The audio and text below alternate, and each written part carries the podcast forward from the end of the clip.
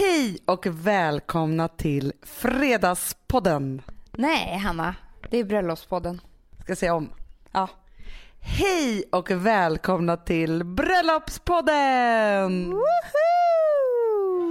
Det är liksom som att gå till frisören och klippa sig en ny frisyr och bli jättenöjd. Alltså man fick en liten ny så här, identitet, eller hur? Man är såhär, nej men ha, nej men jag är fru liksom. Vad är det för dag idag?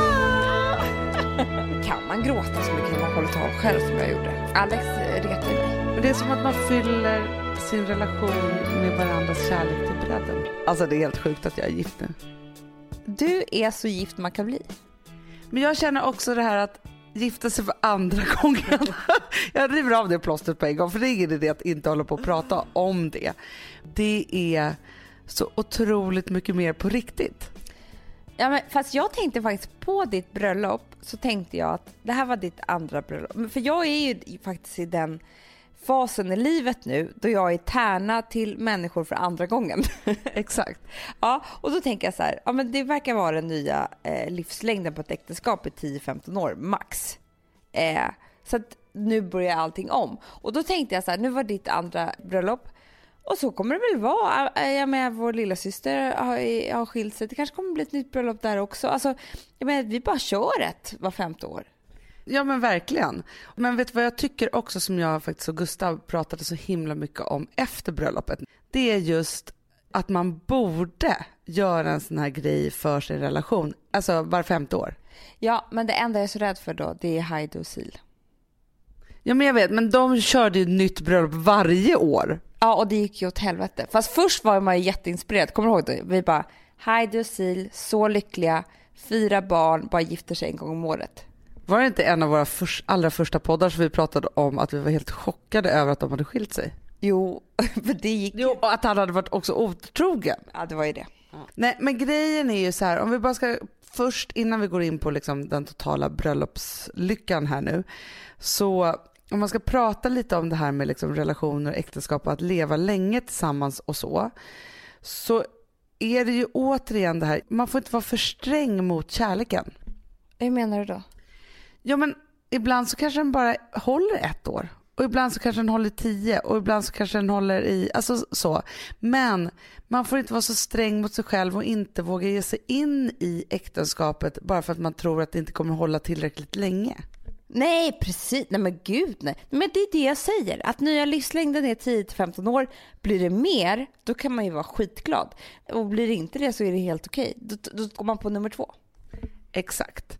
Alltså jag måste ändå säga det att, nu ska jag inte sitta och jämföra liksom två olika saker, men jag kan inte minnas att jag var så nervös och allvarlig och hade så otroligt mycket känslor i min kropp första gången. Men du, är det lite som andra barnet? Alltså förstår du, man har redan gjort det en gång. Så den här gången så vet man verkligen vad man ska ta in och inte och du vet. Ja, men jag tror att du har helt rätt där. För att första barnet man får så bara, oj här kommer en människa och vem är du? Och, så här. och sen så kommer ju kärleken lite efter. Andra barnet så är det ju bara som att kranen redan står på på fullt ös. Ja, precis. Och så var det så för mig också. Alltså kranen har ju stått på i flera månader.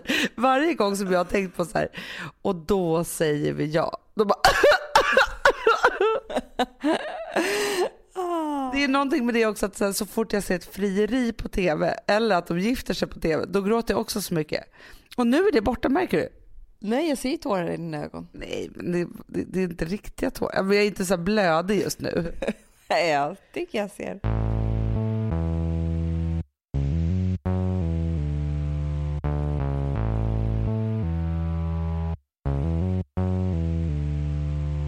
Jag och Gustav, vi hade faktiskt bestämt att vi inte skulle ses förrän i kyrkan. Nej. Så vi har varit borta från varandra flera månader nu. Tänk om man gjorde så. Man bara, nu är det en månad kvar. Nu flyttar vi ifrån varandra. Ja. Då skulle man ju vara nervös om någon skulle säga ja på riktigt. Men då skulle man ju bli nykär på riktigt för att man skulle ju bli kär igen. Exakt. Ja, I vilket fall som helst, det här var ju dagen innan då bara. Så att vi fixade och ordnade en massa saker, var lediga dagen innan. Och sen så sa vi hej då. Och det är också väldigt speciellt när man då ska säga så här, nu ses vi i kyrkan nästa gång. Ja, det är underbart. Redan där så börjar ju liksom romantiken kan man säga. Ja. Ja, så då sa vi hej då och sen så kom ju då vår lilla syster Amelia och hennes dotter Luca hem till oss. Mm. Och sen så vår underbara, underbara Emma som har praktiserat hos oss som också skulle agera barnvakt och cupcakes-leverantör. Fantastisk människa. De kom i alla fall så att vi hade en väldigt, väldigt mysig kväll kvällen innan. Och sen så la vi oss och sov ganska tidigt och så vaknade vi då på morgonen. Jag hade ju tänkt så här, ja visst Vilma kommer ju vakna klockan sju. Men då kanske Emma kan ta en liten stund så jag kan få sova. Mm. Det gick ju inte. Nej. Det var ju bara att gå upp. Mm. Och sen så satte ju allt bara igång. Vi åt jättemysig frukost. Och sen så dundrade det in ett team av människor. Ja, men när jag kom då var det så många människor. Det var ju människor där som jag aldrig hade träffat. Exakt. Det var verkligen som ett helt crew. Det var ju då Johanna Kajson, the wedding planner. Ja, Som i amerikanska filmer var hon. precis verkligen. Eller är hon? hon ja, så. Men med köris och grejer och eh, all logistik och sådana saker. Ja. Sen var det en fotograf med assistent. Ja. Och nu faktiskt i efterhand så är jag så himla glad för det. Att inte bara så här att jag hade en fotograf som tog några bilder, liksom så bröllopsbilder, utan verkligen från början till slut dokumenterade allt, allt, allt. Ja, för att det måste man ändå säga när man är på bröllop. Jag tog fram mobilen några gånger under den här kvällen och tog kort på dig och mig själv och du vet så här, bort så här och så här för att man tänker sig att man måste ha något att titta på imorgon. Alla de bilderna vill jag bara radera. För det är så här suddigt och dåligt ljus och vi ser bara konstiga ut allihopa. Man vill ju ha de här snygga bilderna. Exakt.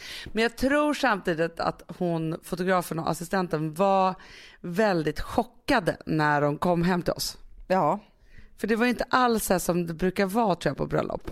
Jag kom ju då kanske vid 11 eller vad det var. Och då hade vi ju alla våra barn där och de var inte bara som barn. De var bridezillas. Allihopa, ja men vi höll ju nerverna i schack. Nej men de var ju galna. Alltså de var ju helt tokiga. Jag vet inte om de var nervösa eller vad det var men det var ju alltså att vi överlevde de timmarna innan er vigsel började var ju helt otroligt. Ja, och varför vi säger bridezillas det var ju för att vem som skulle få bära blomkorgen Ja men de slogs ju om den. och sen var det också så här, vem som skulle ha vilken klänning och vem skulle vara snyggast och vad de skulle ha i håret, hur många lockar de hade, om lockarna hade gått ut eller inte. Om det fanns ett, alltså, de tyckte att det här var deras bröllop. Vi kom i andra hand om man säger så. Det kan man verkligen säga. Men sen så var det också det att vi vågade inte hänga upp alla klänningar och sådana saker så här snyggt som man ser i andra sådana bröllopsreportage. Nej för du hade ju en jävla katt hemma som skulle komma då och trasa sönder allting sa vi. Ja, men jag var ju rädd för katten och barnen. Man var ju inte tänkt så här, vad som helst kan hända. Ja verkligen. Ja, och, jo, och sen så kom ju då makeupartisten Ann Mm. och så kom ju då Cissi som skulle fixa hår. Mm. Det är ett gäng. Mm. Men det var ändå härligt för, för det som jag gick in i då, för jag hade ändå liksom varit väldigt så nervös veckan innan. Det var ju som att vi skulle ha inspelning. Ja det var så skönt. Vi bara skulle bli sminkade och alltså precis som det är jämt. Vi är halvnakna och så ska bli sminkade och sen kommer komma gäster och så sätter man igång liksom. Ja. Det var ju faktiskt inte förrän, ja, förrän jag skulle sätta på min klänning som det började kännas riktigt allvarligt för mig. När det var så här, nu är det en timma kvar. Ja, och när vi gick in i köket och bara, vi tar en liten slurk bubbel. Nu är det typ så här en kvart kvar innan vi åker. Det tyckte jag var en mysig stund. Jättemysig stund. Och då började ju nerverna så här på riktigt, men fortfarande på ett väldigt bra sätt pirra i mig. Ja.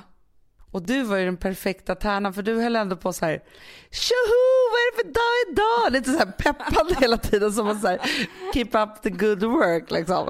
Du vet inte. Gjorde jag det? Skrek jag? Idag! Du skrek, alltså först när du ringde på morgonen så var det så här vad är det för dag idag? och sen kommer du in i lägenheten och bara var är ni? Tjoho! Men jag kände så här, det hade varit perfekt att ha en sån här dag en gång i veckan, på lördagar. Då liksom ses man, alla kvinnorna gör ordning sig, alla barnen är underbara tillsammans och leker och har skitkul och så ska vi gå på fest på kvällen. Och det ska hända något så här stort och fint. Alltså, det är en underbar dag i veckan tycker jag. Jag tycker också det. Man orkar inte vara riktigt så här nervös heller. Nej men det skulle man inte vara då. Nej, men det är underbart att göra alla de där sakerna för just att man ska ha så ett trevligt event och att man också vet att barnen fått vara med hela kvällen. man var ju lite utbränd av dem. Ja, det var så skönt när de åkte. Ja. Men i vilket fall som helst så kom det ju då taxibilar och skulle hämta oss. Mm. Då var det lite roligt tycker jag. När du och jag gick ut på, och Amelia gick ut på Sankt Eriksplan, typ som att vi skulle gå på till Mellqvist och ta en kaffe. Men med så här brudklänningar, brudbuketter och typ, alltså, då, då kände vi oss lite töntiga när vi gick förbi ICA. Ja men det var verkligen så här, för att om man gifter sig någon annanstans tänker jag så här, man har valt slottsmiljö eller lantmiljö eller sådana saker. Då är man inte med om det. Det känns inte konstigt, visst man är ju utklädd ändå men det är inte konstigt. Här var det verkligen som att vi typ skulle gå ner och åka tunnelbana typ. så att vi var så här, några galningar som bara gjort sig jättefina. Ja verkligen. Men så tänker jag också på det, när vi då åkte den här sträckan, jag tror nästan aldrig jag har sett ett bröllopspar i Stockholm. Jo det har jag. Jag ser det jätteofta. Va? När var? Ja men för det första så bor jag mitt snett mot en kyrka. Det är ju bröllop varje helg. Oh. Ja och så ser jag det jätte, alltså otroligt ofta ser jag. för jag ser aldrig det. Nej men det är tränat öga. Ja det förstår jag verkligen. Som att du ska se. så att jag bara, jag har liksom inte tränat upp mina bröllopsögon så då är jag som bröllopsblind. Du bara, de har en vit klänning, kan det vara brud? jag var i alla fall glad för de som fick se oss. det var det jag ville komma till, att det är ändå lite speciellt. Ja, ja för dig kanske. Ja, men i vilket fall som helst så fick ju du panik där när vi var på väg. Mm, då stannade alla bilarna, bara sa nu stannar vi här för att vi är för tidiga. Ingen ska få se oss, för jag vet hur det är att man kan komma lite för tidigt. Så då styrde jag upp, visst var jag rätt bra där? Ja, ja. Och alltså jag och min underbara taxichaufför, han var så nervös. Nej. Alltså jag bara skakar. vi skulle vänta där och det rörde sig om fem minuter max. Ja, det var... Kändes som 20 typ. Ja, sen så åker vi i alla fall dit när jag hade fått kontakt med kyrkan och sen så gick vi av och mötte upp pappa. Exakt. Och då var det också så, för Vilma hon ville springa rätt in i kyrkan. Ja.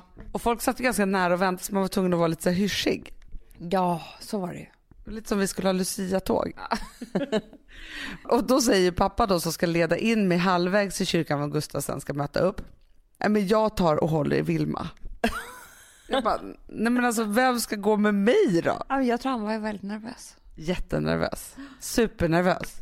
Sen började vi gå in och då måste jag bara citera Mats på jobbet idag. Mm. För att jag blev så glad för den komplimangen. Han sa att när ni kom in i kyrkan då, då trodde jag att jag var med i en film på ett maffiabröllop. Gud vad härligt. För vi hade ju svarta klänningar. Ja. Är liksom spets och lång och, och, och så med släp och så dramatiska verkligen.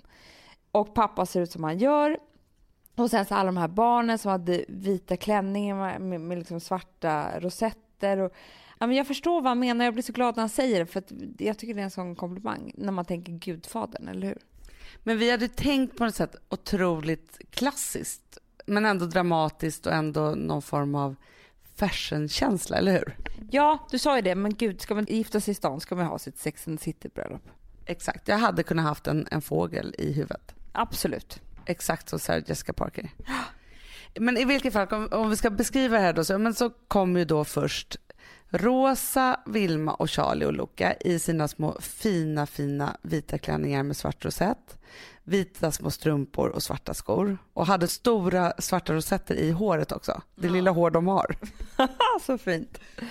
Och Rosa tog liksom sats och hon gjorde ju verkligen en kraftansträngning för att valla in alla de här tre småttingarna.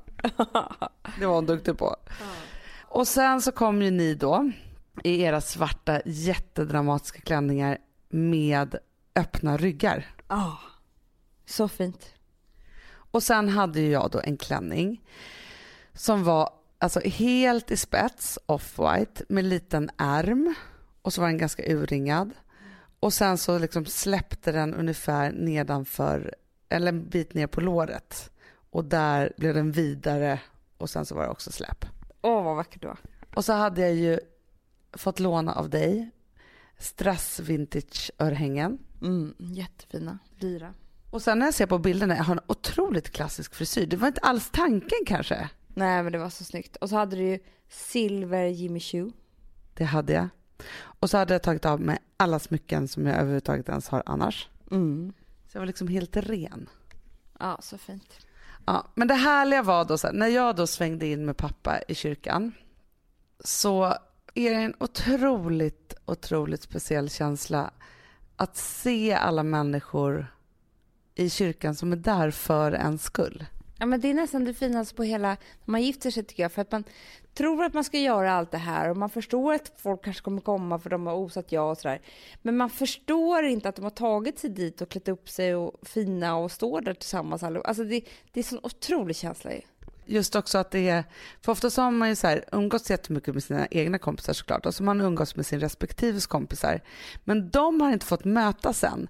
Så att det är många så frågetecken som, av människor som man har pratat om och, men som inte har träffat varandra som helt plötsligt är där på samma plats. Ja, så fint. Jag, jag började gråta redan när vi gick in. Det, det gick ju inte för mig. Nej men det var ju svårt. Men då gick jag i alla fall fram och så kom Gustav då och mötte mig. Och han var så fin han var så fruktansvärt fin och vi ville liksom pussas då. Ja jag vet, det vill man ju. Det kan man ju inte. Nej, i Guds hus nej. Nej det gick inte. Så vi kramades jättehårt i alla fall. Det var inte så att vi liksom så tog armkrok och liksom tjoade fram utan vi kramades och så gick vi tillsammans fram till prästen. Ja. Och hon var ju faktiskt helt underbar. Ja hon var jätte, jättehärlig tycker jag. Hon sa alltså en så himla fin sak av det som jag, för det, det, är alltid lite luddigt var, under den här ceremonin. Men hon sa en så himla fin sak som jag tänkt på efteråt. Varför man har en ring på vänster ringfinger mm. är för att man sa förr i tiden att det gick en åder från vänster ringfinger direkt till hjärtat. Så att man har den här ringen för att varje dag bli påmind om det. Ja men så otroligt fint. Hon sa massa fina saker tycker jag. Du vet ju hur jag tycker så mycket om Gud nu på äldre dagar. Och när hon också ger välsignelsen.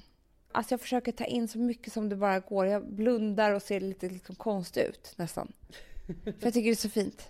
Ja, men det är så fint. Och sen så också när hon tog våra ringar, som hon också pratade så fint om med ringen och evigheten och, och symbolen för det. När hon ställde så välsignade de mot korset. Mm. Då ställde hon sig också med händerna så att det bildade ett hjärta. Tänkte du på det? Nej! Var inte det fint? Jättefint. Ja, men det var himla härligt. Och det som är så stort när man står där framme, det är ju att när man säger de där löftena till varandra och så, så händer det någonting fysiskt i kroppen på något sätt. Ja, nej men alltså, det är inte så att jag tycker att alla borde gifta sig hit och dit för att det är någon äktenskap eller någon grej. Men jag börjar faktiskt känna att det är så. För att det är allvarligt att stå där och lova varandra alla dessa saker framför alla människor man tycker om och känner. Alltså, det känns som att den dagen det kanske knakar lite i fogarna kanske man kommer kämpa lite, lite till just för att man stod där och sa de här sakerna. Tror du inte det? Jo, men verkligen. Men det är som att man fyller sin relation med varandras kärlek till bredden på något sätt. Ja. Och varje sak som inte är så bra för relationen är lite som att man skvimpar ut lite. Så man får kämpa för att hålla kvar den där ytspänningen på något sätt. Ja, nej men jag, jag, det som kommer med själva liksom allt det där man står och säger där och efteråt, det är en, en stolthet som jag älskar. Mm. Eftersom det blir så på riktigt och man har sagt det till varandra och till alla man känner så kan man också få vara stolt på ett annat sätt. Ja men det är ju just det där att man kan tro på hur mycket eller lite man vill på Gud. Men just när hon säger så här, inför Gud och denna församling. Att det är de här människorna som är där inne också som ska hjälpa en på vägen. Och att man också räcker ut en hand och säger så här, nu visar vi upp er kärlek här, så nu är ni också lite ansvariga för den. Mm. Ja, det är jättefint. Ja, och sen var det ju, alltså när mitt första riktiga gråt-gråt kom i kyrkan, mm. det var ju när Selene som sjöng i kyrkan sjöng den här fina låten Av längtan till dig. Ja men då grät jag så mycket. Men då ville jag avbryta hela vigseln, alltså för min del i alla fall, och gå och sätta mig i ett mörkt rum så här vid garderoben och bara gråta. För när man står i Tärna också, då tittar ju alla på en. Eh, inte alla, alltså varför? Alla, alla tittar på dig hela tiden. Nej men det är klart du inte tittar på mig. Men du förstår vad jag menar, man kan ju liksom inte bara här, ta ner huvudet i händerna, då skulle det bli en scen. Ja, ja, ja. Men alltså grejen är också så här, jag var ju tvungen att koncentrera mig så sjukt mycket på att inte titta på dig. Det var ju det vi gjorde en gång, kommer du ihåg Ja, det? men jag vet, och då var det så här, fick vi så här ett hulk, hulkningstillfälle, det gick ju inte. Nej, det var inte alls bra. Ja, men det var så fint och den låten handlar ju om att man liksom har letat efter varandra länge. Men att man gjorde det för att möta den vackraste människan man någonsin mött. Gråta. Ja, men det var så himla fint. Det var fantastiskt. Ja, men sen var det ju det som folket på bröllopet sen kallade för gråtkortet. Men det var ju fruktansvärt. Alltså för, för tårarna var det det. Rosa, nio år, Hannas dotter, sjöng ju Halleluja. På svenska. Fast det var liksom nästan för mycket för mig. Alltså då kände jag att jag var tvungen att koncentrera mig jätte- jättemycket för det, det var bland det finaste jag hört. Men det var också det där för att vi hade precis då blivit man och hustru. Ja. Det var precis efter liksom man hade gjort det där. Och så gick hon då upp och så skulle hon sjunga. Och det hon gjorde var ju först att hon började sjunga, så sjöng hon lite fel. Och var lite så blyg. Och hon hade också så här, inga skor såklart. Nej. Bara alltid barfota. Och sen efter hon hade gjort det, då var det som att hon liksom tog all koncentration och mod, alltså allt, allt, allt och bara samlade sig. Och sen sjöng jätte, jättevackert och så här hela sången perfekt. Nej, men jag har ju fått hopp om vår släkt nu. Alltså jag känner ju så här, vi har vår sångfågel. Alltså vi har ju eh, hon som ska eh, verkligen göra oss eh, liksom eh, rika och berömda här. Det är ju Beyoncé. Nej men hon var så duktig och framför allt som mamma då var det ju helt otroligt. För att, alltså, både att hon tog sin plats i det här bröllopet då jag är ju faktiskt inte gift med hennes pappa utan med hennes bonuspappa. Mm.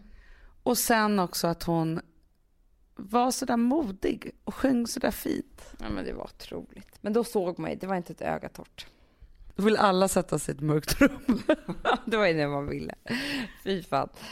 Och sen efter det så sjöng ju Selene igen och jag tyckte jättemycket om det också. Det var ju inte riktigt rumsrent kyrka kan man säga. Nej. Det var ju ändå I was made for loving you baby med Kiss. Ja, fast i lugn version. Men det var så härligt för då kändes det så här, nu börjar kvällen och nu har vi gjort det här och nu liksom går vi vidare mot, mot det. Ja, underbart. Och sen kom ni ut på trappen och då var det tjo och tjim eh, och eh, eh, tuttifrutti tänkte jag säga. Eh, Risifrutti. Risifrutti. Nej men det var... Eh, kom, Strössel. Strössel. Över hela er och sen så åkte du och jag och marskalkarna och Gustav och du och jag, så var du och jag ett bröllopspar. du och jag och marskalkarna, var Gustav med? Du och Gustav och marskalkarna och jag och Amelia. Det var också skithärligt. I en limousin med iskall champagne och bara skålade och tjoade och skimmade också. Du, jag tänkte på den här eh, den resan liksom, mot det stället. Jag kommer inte ihåg att jag tittade ut en enda gång. Nej, Jag kommer inte ihåg vilken väg vi åkte dit. nej, jag kommer ihåg att jag eh, åkte förbi så här på Birger Jarlsgatan och tänkte så här, men gud, här går alla och, och typ inte vet om att vi sitter här och gift oss. alltså de hade en vanlig dag på stan, typ lite som när man har fått barn, du vet. Och man bara, men varför pågår era liv som vanligt? Bröllopsbubblan. Ja, lite. Ja, men det var i alla fall underbart. Och sen tog vi oss ut då till Kolskjulet där vi skulle ha festen som ligger ute på Kastellholmen. Mm. Och då var man ju så glad också att det inte regnade. Mm, det var man. För där var det ju då brudskål Ja. utomhus. ja, jättehärligt. Det var ju faktiskt härligt. Och att det var så prunkande grönt var också så härligt. För att bara för typ tre veckor sedan när vi var där sist, då var det inte ett blad. Nej. Man tänkte så här, det kommer aldrig bli sommar. Nej, det var verkligen sommar. Det var fantastiskt. Och sen så drack vi massor av champagne och snittar och jag tycker det är så härligt med fördrinkar efter bröllop innan middagen. Det är liksom, man har mycket att prata om efter själva vigseln och man har upplevt någonting och har någonting med sig. Men man har också förväntningar och förhoppningar inför det som ska komma. För? Det är liksom ett stopp däremellan där man står och dricker den här champagnen som gör en ännu mera bubblig. Jag älskar den timman. Jag tycker den är jättemysig. Ja men det var ju väldigt mysigt faktiskt. Det var så här, man får andas ut lite liksom innan det andra. Mysigt tycker inte jag är rätt ord. Festligt. Ja, Ja. Men man får ju också klicket. Ja, jag menar det. Det var inte så att vi satt och mös. Nej, det, okej förlåt, det var fel ord. Nej, alla var på gång. Ja. Alltså, och det var ju också sån här, just det när man inte har varit där liksom själv utan jag är bara så här, så här ska det se ut och dragit upp riktlinjerna och alltihopa. Och så komma in i det här vackra, vackra rummet där det är så vackert dukat och allt innan liksom festen börjar. Ja, men det var så underbart. Så vackra blommor och jag säger bara det, lägg pengar på blommor. För det gör allt. Allt, allt, allt, allt. Skit i vad det är för porslin, ta bara några vita lakan eller någon duk eller så att det blir vitt. Och sen så bara blommorna, allt. Men alltså det är helt magiskt och jag har faktiskt läst det lite eftersom jag nu har knarkat så mycket på olika bröllopshistorier så var det en sån här det var en amerikansk sajt där de skulle säga vad de ångrade till bröllopet och det var nummer ett att de inte tog ännu fler fotografier. Mm. Nummer två att de inte satsade mer på blommorna. Oh, men jag förstår det. Men det hade ju verkligen du gjort. Och Rami, han är ett äh, blomgeni. Ja, ja, han kallar sig själv för, för the florist of the family. Det tycker jag låter ännu mer som Gudfadern. Alltså det är så underbart att vi, vår familj, har en egen florist. Ja, han är galen och underbar. Underbar människa som älskar allt som har med bröllop att göra och älskar blommor och vackra saker och älskar bara när det blir så härligt som möjligt. Mm, jättehärligt. Så en sån måste man skaffa när man ska gifta sig. Ja, Men det är som att han med sina blommor välsignar rummet man ska vara i. oh, så var det. Ja, underbart.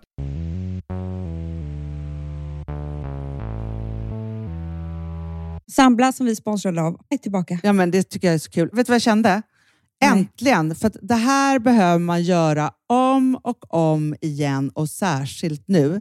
För det är så här, Sambla är en personlig jämförelsetjänst för lån Mm, mm. och jämför upp till 40 långivare.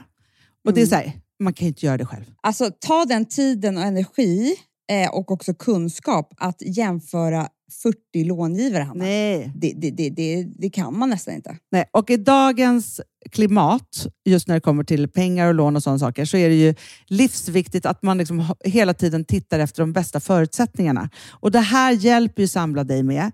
Och De erbjuder också personlig hjälp med låneansökan. Oavsett om du behöver hjälp så en kort stund eller om du vill ha guidning genom hela låneprocessen så kan du vända dig till Samla och det tycker jag är så bra. Ja, alltså Sambla som vi sponsrade av har ju branschens nöjdaste kunder med fem stjärnor och 24 000 omdömen på Trustpilot. Eh, det säger ganska mycket tycker jag. Väldigt mycket. Så in och ansök på samla.se.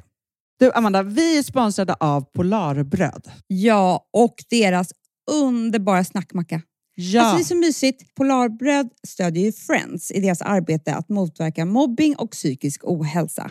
Därför har de skapat det här konceptet snackmacka. man kan ju känna på barnen att det, så här, det kanske har hänt någonting i skolan och så vidare. Men hur man ska börja liksom få dem att öppna sig och berätta saker så att de inte går med saker som har hänt länge, så är det viktigt att göra det här. Och då är det så att den här snackmackan, den s- liksom är till för att öppna upp samtal med barnen, hur de har i skolan och på fritiden och så vidare. Så, man kan närma sig lite olika frågor. Ja, men jag tycker det är så bra eftersom att du vet ju hur läskigt det är. Bara, nu ska du och jag sitta och ha ett samtal. Det vill men ju det- ingen. Nej. Men däremot äta en god smörgås och liksom Mm. göra någonting samtidigt. Det är mycket, mycket bättre. Polarbröd har tagit fram tre roliga musikinbjudningar som man skickar då till sina barn, så att de kan, liksom, där man bjuder in då till en snackmacka.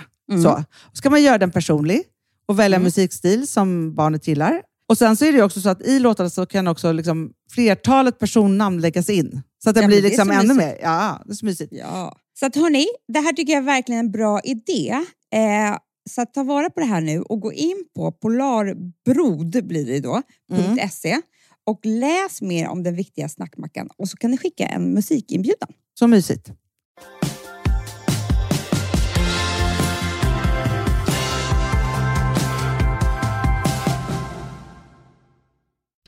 Ja, men då satte vi oss ner i alla fall. Och det roliga var ju då att vi hade ju kommit överens om att vi inte skulle veta någonting om toastmasteriet och själva liksom upplägget för tal och sådana saker. Ja.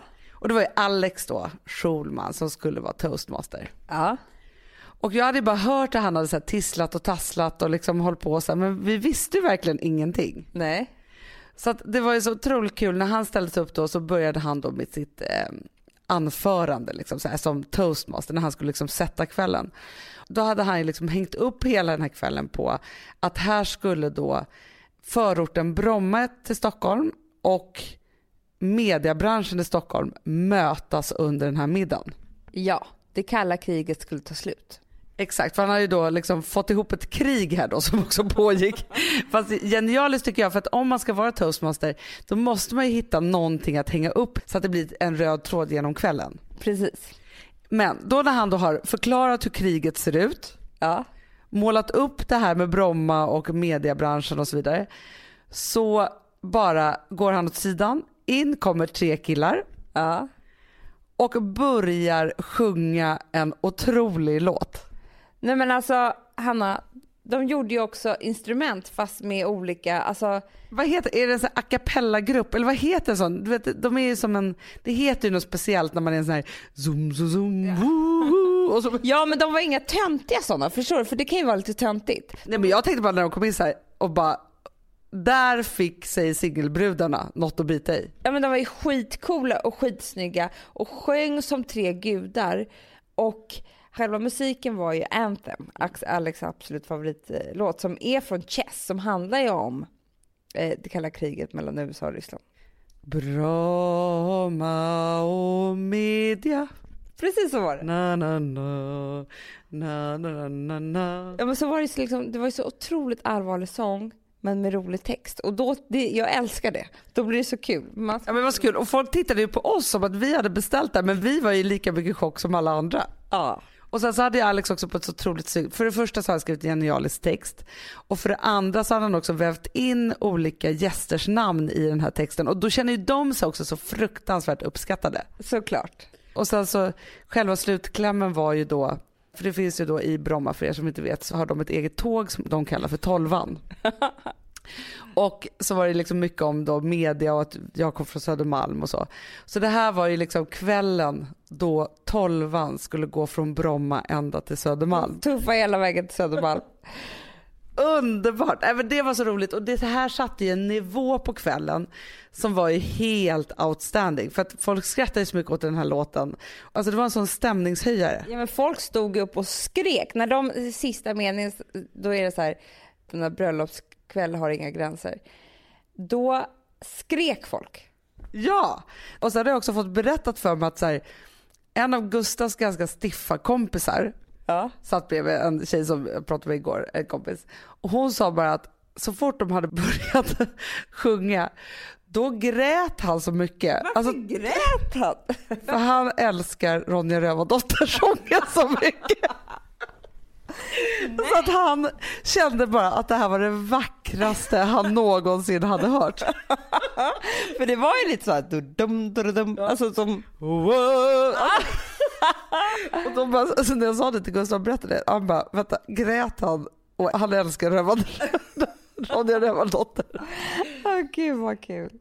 Nej men det var så fruktansvärt roligt. Och sen hade ju då Alex inte bara lyckats med denna sak utan sen hade han bundit upp det på då att alla som då talade fick ett eget löp. Ja, ett Aftonbladet-löp. Och det var ju då jag var rädd att det skulle vara dödslöp. Ja. Men det var inte det utan det var ju underbara löp som var ganska vassa ja.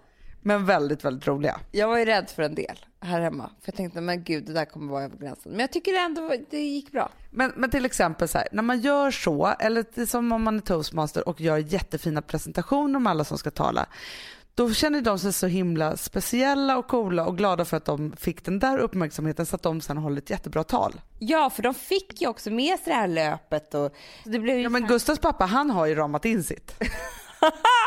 det är underbart. Sen då kan man säga började ju en gråtfest för mig. Alltså jag grät så stora tårar som trillade längst ner med mina kinder. Ja men fy fan, vad annars ska man göra då? Du vet, jag gråter också lika mycket alltså, när hela vår familj höll, alltså, man, alltså, man, bara- man bara gråter. Det bara är så. Men Hanna, kan man gråta så mycket när man håller tal själv som jag gjorde? Alex retar ju mig. Ja, men det var tur att du stod lite långt bort från mig. Alltså jag var tvungen att fråga Gustav hela tiden vad du sa i olika meningar dagen efter. För jag bara, men vad, vad sa man? Amanda sa det där med, men om, om det var Gud så var hon religiös. Vad var det hon sa då? Ah, Nej men jag sa att Du pratade ju faktiskt om den här podden. Du hade hängt upp hela ditt tal på den. på den här podden, Nej, men du pratade mycket om det. eh, alltså jag pratade från att vi var små.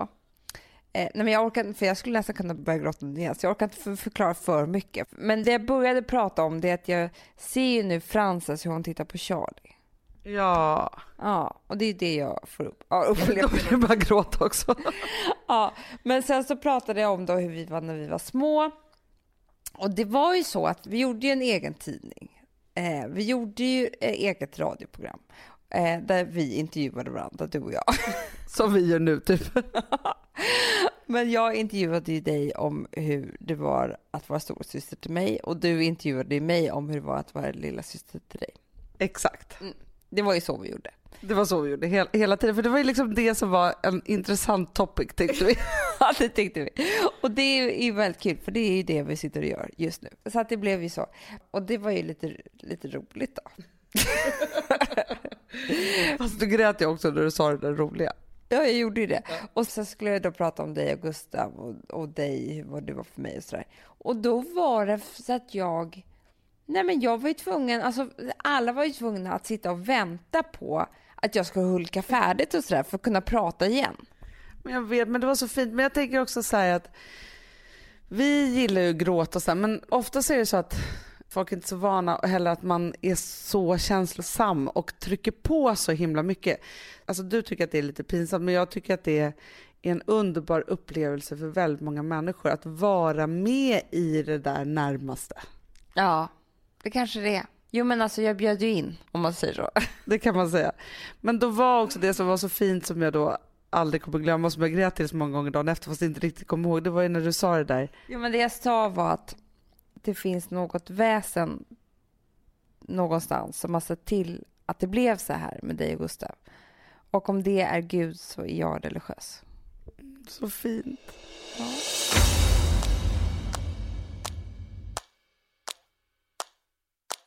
Alltså vi sponsrar av Bosch. Har du testat i maskinen nu? Snart är det jag som kommer lägga upp en limpa på Instagram. Är det så? Ja. Är det så? Det som har varit så svårt för mig, Amanda, det är ju att bakning, alltså så här, matlagning, då kan man göra lite hejsan hoppsan.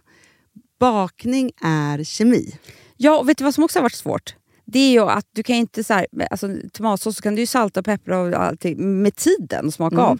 Det är svårare med en deg alltså. Vi är ju sponsrade av Bosch nya köksmaskin serie 6. Och den är extra smart. Och det är tur för mig kan jag säga. För att det är så här att först så liksom, man väger sina ingredienser direkt Ja, i och det bunken. här läste jag om.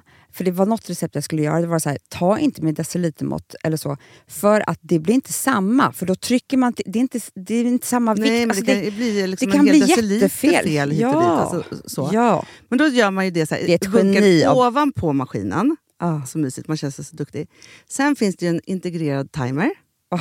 Och då är det också så här, alltså för, förstår du, för det här är så här, alltså de som bakar mycket är väl så här, ja man har en hushållsvåg. Jag har aldrig haft det än. Nej, men också Hanna, det här som, jag har alltid tyckt att det är så svårt typ, att vispa äggvita. Jättesvårt. Det är för svårt. Men det behöver inte jag kunna, för det kan min serie 6 köksmaskin från Bosch. Ja, nej men alltså, den är underbar. Hörrni, det är också så här, att, för det här är ju eh, ja, en jättebra investering. Men just också eftersom det är en investering och man vill verkligen att det ska funka så är det så bra för man kan prova 100 dagar hemma med fri returrätt. Mm. Så. Alltså för att Bosch de är så säkra på att du blir nöjd. Så de Ja. kan erbjuda det. Och jag tycker verkligen, eh, alltså nu när ni ska möta våren, in och läs mer på Bosch köksmaskin serie 6 och köp den hos Power. Det kommer bli en, en underbar sommar. Voff, voff, voff. Det vet vad det betyder på hundspråk? Det betyder att jag är hungrig. Jag vet, men vet du? Nej, jag är sugen på Prima Dog. Ja. Vi är sponsrade av Prima Dog. Ja. Det är vi. Men du är ju bara hungrig på Prima Dogs mat.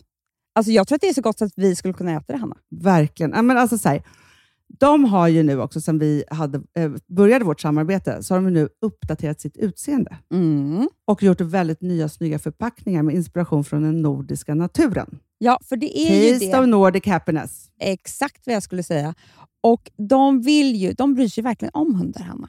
Alltså de gör det. Det gör de. de vill att de ska få leva ett långt, aktivt och glädjefyllt liv.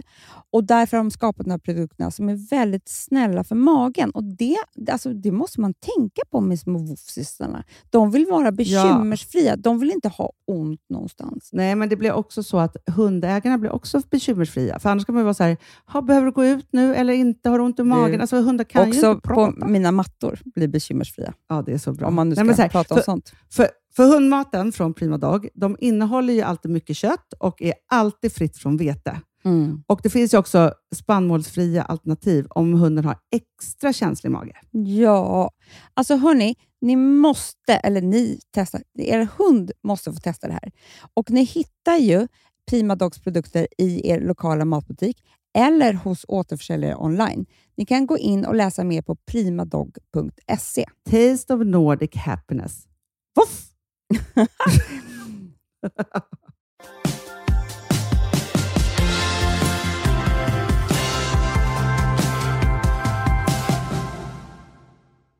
Du hade ju köpt ett snapsglas till alla gäster, alltså omaka. Jag har ju länsat varenda, alltså Myrornas och second hand i hela Stockholm typ. Att köpa ett snapsglas kostar ungefär mellan 5 och 35 kronor. Ja. Men det är så härligt och de är så fina. ja, och då så bara sa du där på, på bröllopet att det här, för det kom ju in Firefox som jag kallar det, men det heter ju tydligen Fireball, eh, flaskor som är så otroligt gott och sätter ju fart på vilken fest som helst. Och då var det så att man fick ta då en sup i den här och behålla sitt glas, ta hem det. Ja men det vi gjorde var ju så här, när alla familjetalen var slut. För det är alltid så här, först när familjen håller tal så är det ganska allvarligt och sen så kan, är det kompistalen blir lite så här. Sen när de var slut, då kom det in flaskor med Fireball och sen så fick alla ta en snaps och sen så stod de här kvar på bordet, Fireball-flaskorna. Just det. Så då var det liksom fritt fram och bara snapsa och köra och liksom så att folk får så gemenskap vid sina bord och sådana saker. Ja men det var jättehärligt. Gud jag tog ju två stycken Hanna. Herregud. Och sen också en sak som jag faktiskt också tycker så här i efterhand. Lokalen var ju så här dörrar ut mot en kaj och så kunde man gå ut där. Och annars brukar det vara så att man har liksom en kiss och rökpaus. Och så går vissa och så, så här. Vi hade två pauser och då gick alla ut. Ja, det var jättehärligt. För det var också så här bra, då blir inte liksom middagen så lång på det sättet. Och även om man inte då skulle kissa eller röka eller vad man nu skulle göra så gick man ut, tog lite luft, stod och snackade med någon och så gick man tillbaka. Ja, det var skithärligt. För det har inte jag varit med om förut, att man gör såna här riktiga pauser. Nej, nej det var som paus på teater. Alla gick ut. Ja, underbart. Jag tror att det blir, för det ger sån ny energi till middagen. Ja, det var jättebra Hanna. Alltså det är jag nöjd med. Ja. Det, det var en spontan grej men så blev väldigt bra. Nej men sen efter denna middag så var det då cupcakes-tårta, kaffe. Drack du avec? Nej, jag glömde det. För det gjorde folk tydligen. Jaha. Ja, och så var, minglade man ut och så var det bar och så. Och sen hade vi faktiskt som en extra bonus som jag nu så här i efterhand, jag visste att det skulle vara härligt men jag bara känner att jag älskar det. Mm. Liveband. Niomannaband. Alltså, gud, jag dansade och dansade. Alltså jag gjorde ju sån här, sjöng med låtsas Mikko. Eh, alltså jag gjorde såna här moves som inte jag gjort liksom på många, många, många år. Och jag bara kände det efteråt, jag sa det till dig efteråt, vad lycklig man blir av att dansa. Så fruktansvärt lyckligt. Att höra riktigt bra livemusik. Vi hade satt ihop en spellista som var ju, det var mycket Carola. Ja. Men det var helt, helt plötsligt var det ett judiskt bröllop också. Ja. Det var liksom Habola, eh, Det var verkligen allt möjligt, men till varje låt så bara var man så här, så jag var svettig. Alltså jag dansade och jag dansade liksom själv. Jag stod i min egna värld, förstår du? ja, men jag var ju barfota, supersvettig och bara körde. Nej, det var så underbart. I två timmar typ. Ja. Jag avslutade hela innan jag skulle gå för vi skulle lämna lite tidigare. Jag kommer ihåg när, när vår wedding planner var så här, nu har eran bil kommit. Jag bara, men sluta! Som ett barn som inte ville gå hem från festen. men då avslutade jag hela det här med att sjunga bra vibrationer. Åh gud så härligt. Det var underbart, som förr i tiden, jag och Ingela. Ja. Och sen tog jag då och Gustav en taxi till Hotell Diplomat. Ja. Och där kom vi in i den vackraste, vackraste sviten.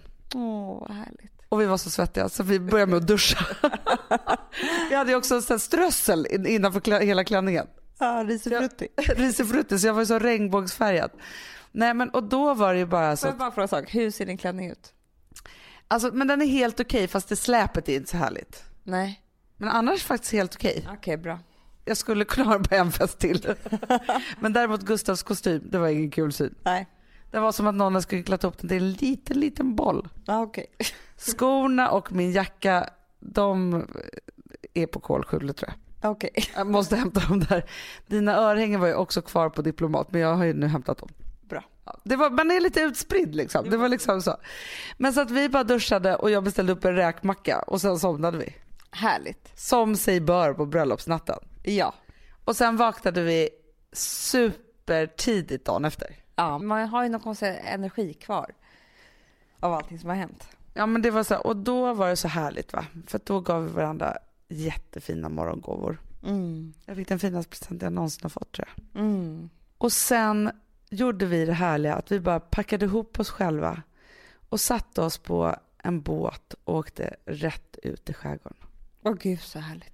Och den här båtresan Amanda, jag måste säga det att där satt vi så här i varma tröjor och lite så här småbakis fast ingenting gjorde ont och så här, satt ute på däck liksom i varandras famnar Åh gud. och bara var så fruktansvärt lyckliga. Nej. Ja, men så lyckliga, så lyckliga. Alltså, så här, vi sa det igår när vi kom hem, så sa vi så här, varje gång som vi är lite småsura på varandra, då säger vi bara Sandhamn.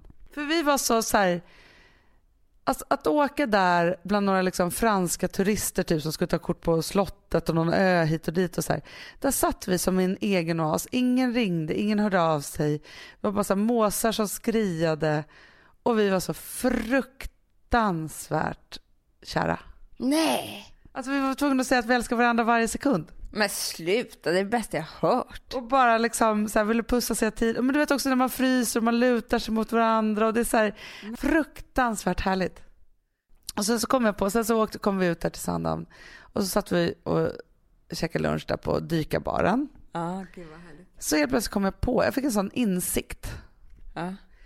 Och så var jag tvungen att säga det till Gustav. Jag bara, men Gustav så här har det varit. Jag har ju alltid, alltid varit en tjej som har varit närmst mina tjejkompisar. Ja.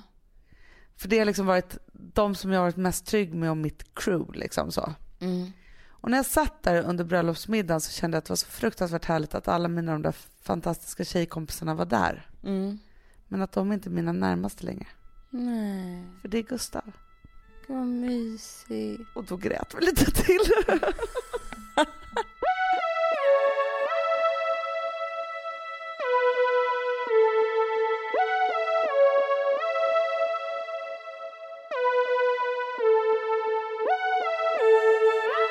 Alltså du sa till mig att jag skulle få en liten, liten depression. Ja. Har inte det. Nej men gud vad härligt. För vet du vad det är? Någonstans i mig så är det så att visst, det har, det har varit så här mycket och man har hållit på och så skulle det vara den här liksom så. Men jag ser fram emot vårt liv tillsammans som gifta så fruktansvärt mycket. Så om inte det blir så härligt som jag tror, alltså nu är ju förväntningarna skyhöga, nej men så, då skulle jag nog bli deprimerad. Men jag är så, så här, det är lite som, om man ska knyta an till det som vi sa i början, det är lite som med andra barnet. Det blev inte riktigt någon baby blues för att jag visste vad jag skulle få och var så hel och visste vad jag gjorde på något sätt. Mm. Gud vad härligt.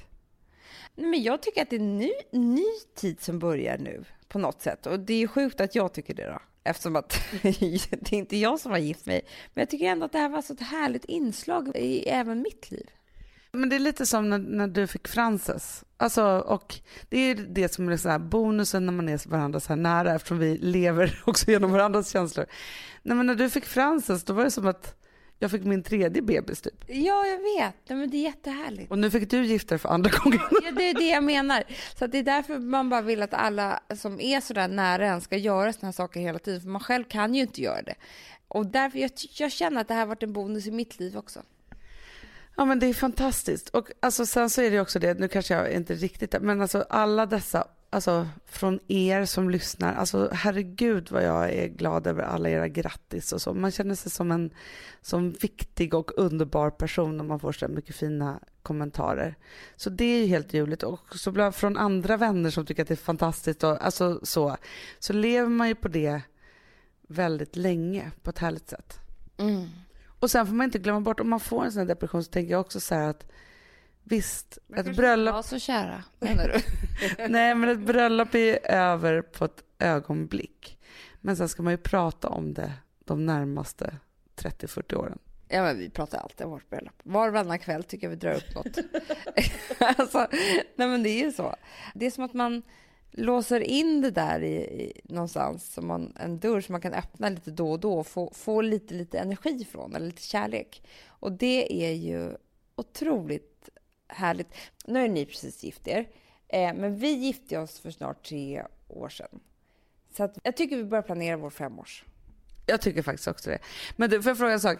Om du och Alex skulle skapa ett sånt här kodord, när var ni som lyckligast? Vet du, jag har ett förslag på när ni var som lyckligast under ert bröllop. Ja.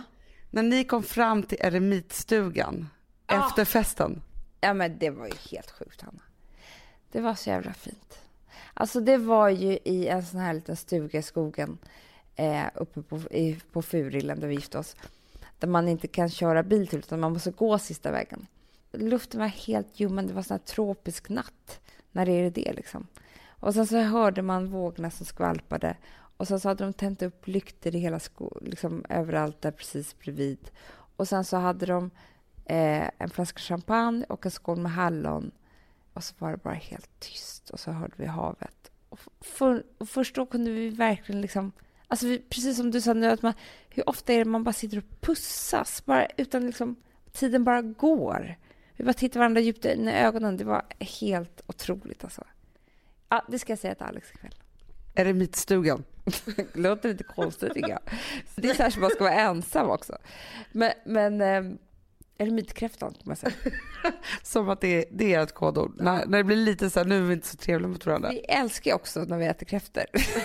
Idag är vi ofta väldigt trevligt. Så det blir liksom alltid ett i det kodordet. Mycket, mycket bra. Ja, alltså jag är överväldigad. Jag är så fruktansvärt lycklig. Jag känner mig så otroligt vuxen på ett coolt sätt. Ja. Även om jag var det innan så känner jag mig nu så här, nej men jag är sån här. Jag är gift och jag lever så här, bad- alltså jag liksom, känns som jag har fullständig kontroll. Ja, Men jag tycker det, det är liksom som att gå till frisören och klippa sig en ny frisyr och bli jättenöjd. Alltså man fick en liten ny så här, identitet, eller hur? Man är såhär, nej men ha, nej men jag är fru liksom. Man adderade någonting till sin personlighet som bara blev ny och härlig. Mitt i allting. Ja men verkligen. Jag älskar att vara fru. Jag älskar det också. Ja, men, och sen så älskar jag att, för jag rusade in där på Diplomat liksom för två dagar in, senare och skulle hämta dina eh, örhängen och sen så glömde jag bort att Gustav hade sin kostym där också så jag bara, ja min kille glömde, min man eh, glömde sin kostym menar jag. Åh gud så härligt. Underbart. Men vet du Amanda, jag känner inte att jag vill gifta mig, alltså förstår att det inte är så här, kan det bara vara igen? Nej, nej, nej, nej, nej. Det är som julafton när man var barn. Det var ganska skönt när det var över också på något konstigt sätt. För man satt där med alla, allting man hade fått. Så nästa gång, då är det eran tur. Heidi and Seal. ja, jag ska börja planera det ikväll. Men du, var inte det här jättehärligt att vi bara gjorde den stora bröllopspodden? Jag tycker att det räcker så. Det var precis lagom. Mm, det var precis lagom. Hoppas ni tycker det också. Ja, ni vet att vi älskar er. Så himla mycket. Och nästa gång tycker jag att vi bara har ett massbröllop.